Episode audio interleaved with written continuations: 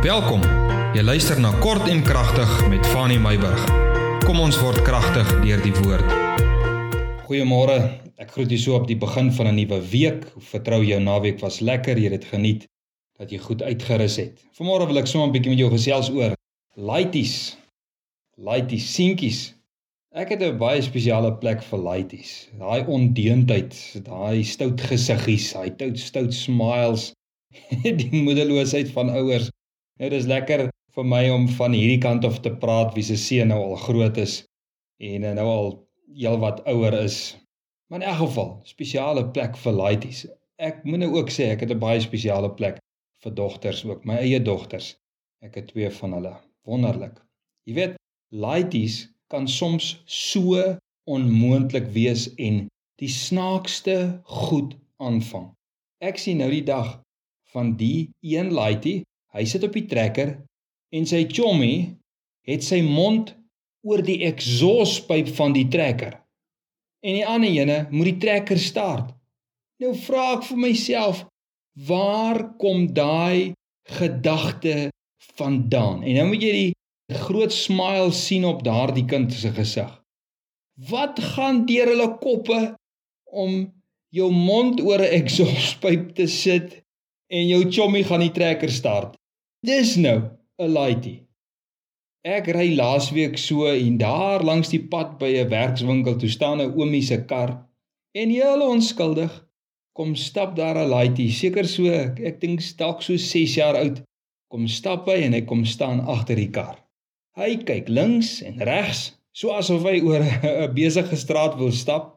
En toe hy sien dat niemand hom sien nie, toe maak hy sy broek los en hy piepie die oom se kar se bumper nat. Ek het so lekker gelag daaroor want my seun het ook teen en agter snaakse goed gepiepie. Alraai, ek gaan nou nie verder daaroor gaan nie. 2 weke gelede toe gaan ek na 'n mall om 'n paar goedjies te koop en ek hoor 'n baie ontstelde ma wat kliphard op haar seun skree. Almal in die winkel kyk na haar rigting en ek dink by myself, genade vrou, Kan dit so erg wees want sy sy gat aan. Soos my suster sê, klink soos iemand wat sprits gedrink. Maar so is sy toe nou uit by die mall en toe ek klaar is, is ek ook uit.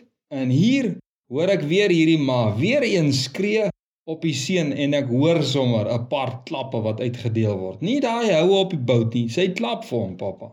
En net voor ek weer die kans kry om te oordeel, toe sien ek dat die ma vier seuns het. Dadelik korrigeer ek myself, my eie gedagtes en ek sê vir myself, "Fani, ek verstaan daardie mamma." Want seuns kan jou soms beproef en jou limite op die proef stel. En besef ek ook dat hierdie harde uitbarstings van hierdie ma, hierdie dwarsklap houe kom van 'n dalk radelose, moedelose ma wat nie meer weet hoe en wat nie met seuns grootmaak. Want soms, jy weet, kan laitie so onskuldig ondeend wees dat jy hulle net wil vermoor. Jy weet nadat Jakob in 'n erge droogte met sy seun Josef verenig was in Egipte, het Josef sy seuns na Jakob gebring en gesê: Genesis 48 vers 9, ek lees dit gou vir jou. En Josef antwoord sy vader: Dit is my seuns wat God my hier gegee het. En Jakob sê vir sy seun Josef, hy sê bring jou kinders na my toe, bring jou seuns na my toe dat ek hulle kan seën.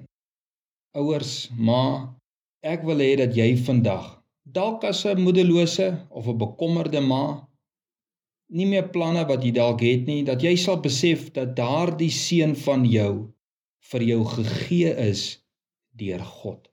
Al voel dit nie so nie. Maar daardie laaitjie is God se gawe aan jou. Jou man of jou vrou of die lewe het nie die laaitjie of jou laaitjies vir jou gegee nie. Hulle is God se gawe aan jou.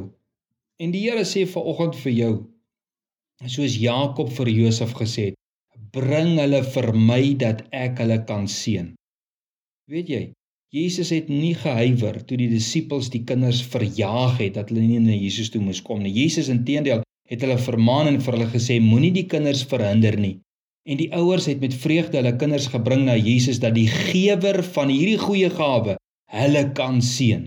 Ek wil jou vanmôre sê, moenie jou laities probeer grootmaak sonder die seën van die Here nie. Die Here weet wat se seën hulle nodig het om groot te word.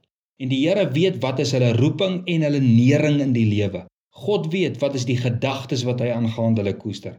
As jy sukkel as ouer, vat jou kinders na die Here toe. Sy seën gaan alles ten goeie laat meewerk. Hoekom? Omdat jy Jesus liefhet.